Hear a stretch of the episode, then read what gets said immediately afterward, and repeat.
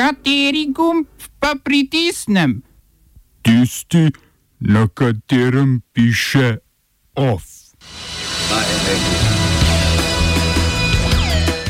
Avstrijsko ustavno sodišče priklicalo prepoved nošenja na glavnih rut v osnovnih šolah. V Rogaški Slatini na referendumu podpora gradnji razglednega stolpa. V torek odpiranje občinskih mej ob prenosu vladne aplikacije.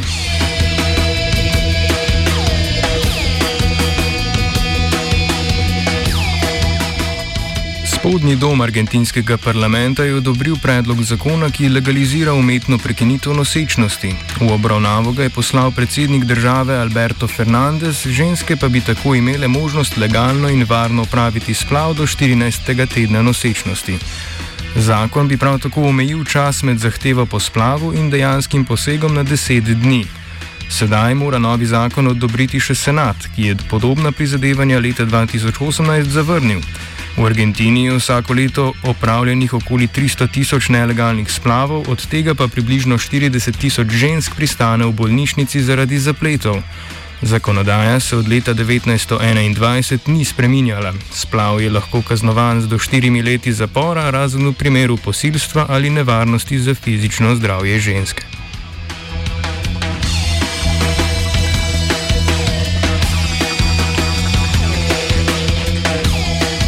Avstrijsko vrhovno sodišče je razveljavilo prepoved nošenja na glavnih rut v osnovnih šolah.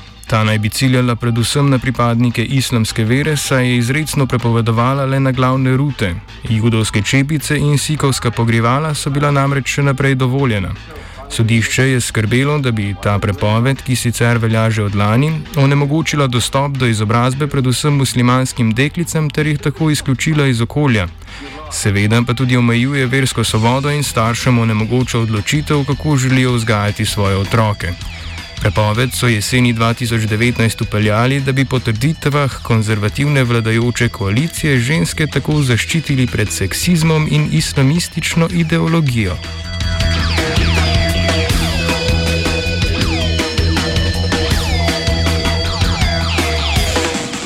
V Indiji kmetje protestirajo že tretji teden, danes so izvedli tudi enodnevno gladovno stavko. Zablokirali so avtoceste, ki vodijo v New Delhi, in zahtevali izbris treh novih zakonov, ki naj bi znižali cene pridelkov. Novi zakoni bi kmetom dovoljevali, da letino prodajo neposredno privatnikom zunaj agrikulturnega komiteja, privatne pogodbe o nakupu pa bi se lahko sklenile že pred sejanjem določene polščine. Kritiki trdijo, da bi tako zaobšli tradicionalne načine trgovanja, ki določajo najnižjo možno ceno. To pomeni, da bi se cena polščin nasploh tako znižala, da kmetovanje ne bi več moglo zagotavljati preživetja. Podpirajo jih opozicijske stranke in druge civilne skupine.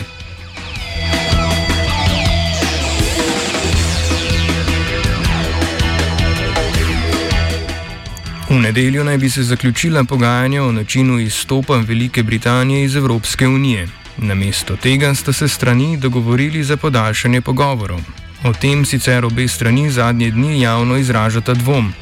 Eno večjih nestrinjanj je področje ribarjenja evropskih ladij znotraj britanske ekskluzivne ekonomske cone. To je Velika Britanija pripravljena varovati tudi s kraljevo mornarico, če bodo izstopili brez dogovora. Skrbijo jih manjši nesporazumi med njihovimi in tujimi ribiški la, ribiškimi ladjami ter nelegalno francosko ribarjenje. Mornarica bi lahko ustavila, pregledala in zasegla tuje ladje, če bi se te znašle v britanskih vodah. Če Velika Britanija izstopi brez dogovora, bodo za trgovino z Evropsko unijo veljala pravila Svetovne trgovinske organizacije s kvotami in carinami vred. Dogovor se sicer lahko sklene do konca leta, a ga je treba tudi ratificirati v parlamentu.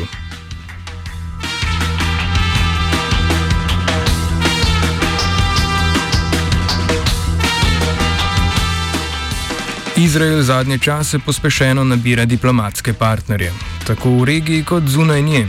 Zadnji je Izrael, Izrael priznal Bhutan, zavezala pa sta se tudi k sodelovanju v kmetijstvu, upravljanju z vodo, zdravstvu in na drugih področjih. Mednarodno priznanje Izraela se tako povečuje tudi v Aziji, potem ko je podobne dogovore sklenil z Marokom, Sudanom, Bahrajnom in Združenimi arabskimi emirati. Tudi Turčija je prvič po dveh letih v Izrael poslala ambasadorje. Potem, ko so jih leta 2018 odpoklicali zaradi izraelske agresije nad Palestino.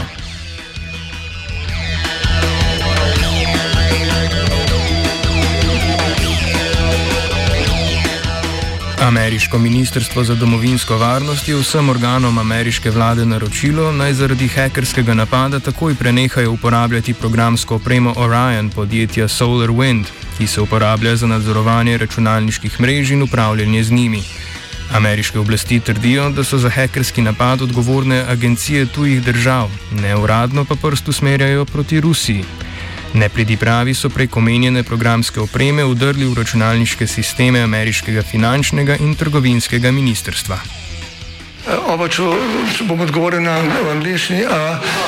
Slovenija bo poskušala pomagati. Slovenija bo naredila svoj utmost, da bo rekla, da je situacija naš problem, sami. In bomo naredili nadaljnje korake, as soon as the conditions are. Bomo vlado Marjana Cererera Šarca podprli.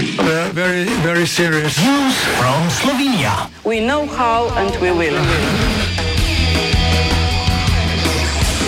Javno naročilo 500 tisoč hitrih antigenskih testov Ministrstva za zdravje ni bilo uspešno, saj nobena pogodba ni ustrezala željam in pogojem ministrstva. Testi naj bi stali največ 5 evrov po kosu, zanimanje pa je pokazalo 39 podjetij. Ponudbo jih je oddalo 19, a jih od tega 6 ni priložilo vzorca testa. Pri sedmih od oddanih testov so ugotovili tehnične napake, spet naslednjih pet ni uporabljalo zaželenega materijala. En ponudnik je izpolnjeval vse pogoje, a je bil predrag. Postopek bo ministrstvo ponovilo predvidoma do konca tedna. Kasneje se bo izvedlo še eno večje naročilo, tokrat milijon hitrih testov, a je zaradi velikosti predvideno za februar 2021.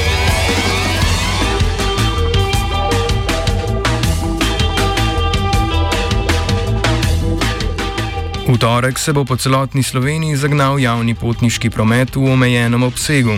Odprli pa se bodo tudi frizeri, avtopralnice, cvetličarne in kemične čistilnice. Hkrati se bodo v štirih regijah, ki imajo najboljšo epidemiološko sliko, to so osrednje Slovenska, obaljno-kraška, goriška in gorenska, za imetnike aplikacije Ostani zdrav odprle občinske meje.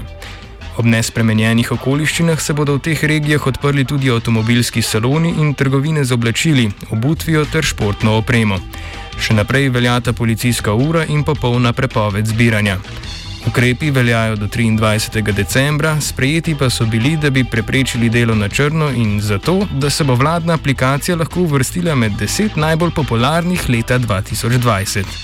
V četrtek bo znano, kakšnih ukrepov se bomo morali držati med prazniki.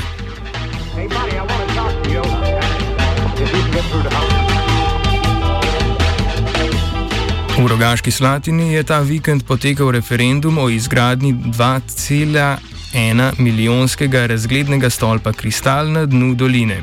Volilna udeležba je bila malo več kot 40 odstotna. V številkah je to skoraj 4000 oddanih glasovnic, od tega jih je postavitev stolpa podprlo 2143. Občina meni, da, bodo, da bo bodoči najvišji stolp v Sloveniji v občinsko blagajno prinesel mastne denarce, medtem ko nasprotniki trdijo, da je projekt slabo umeščen v prostor in predrag. Več v offsajdu ob petih.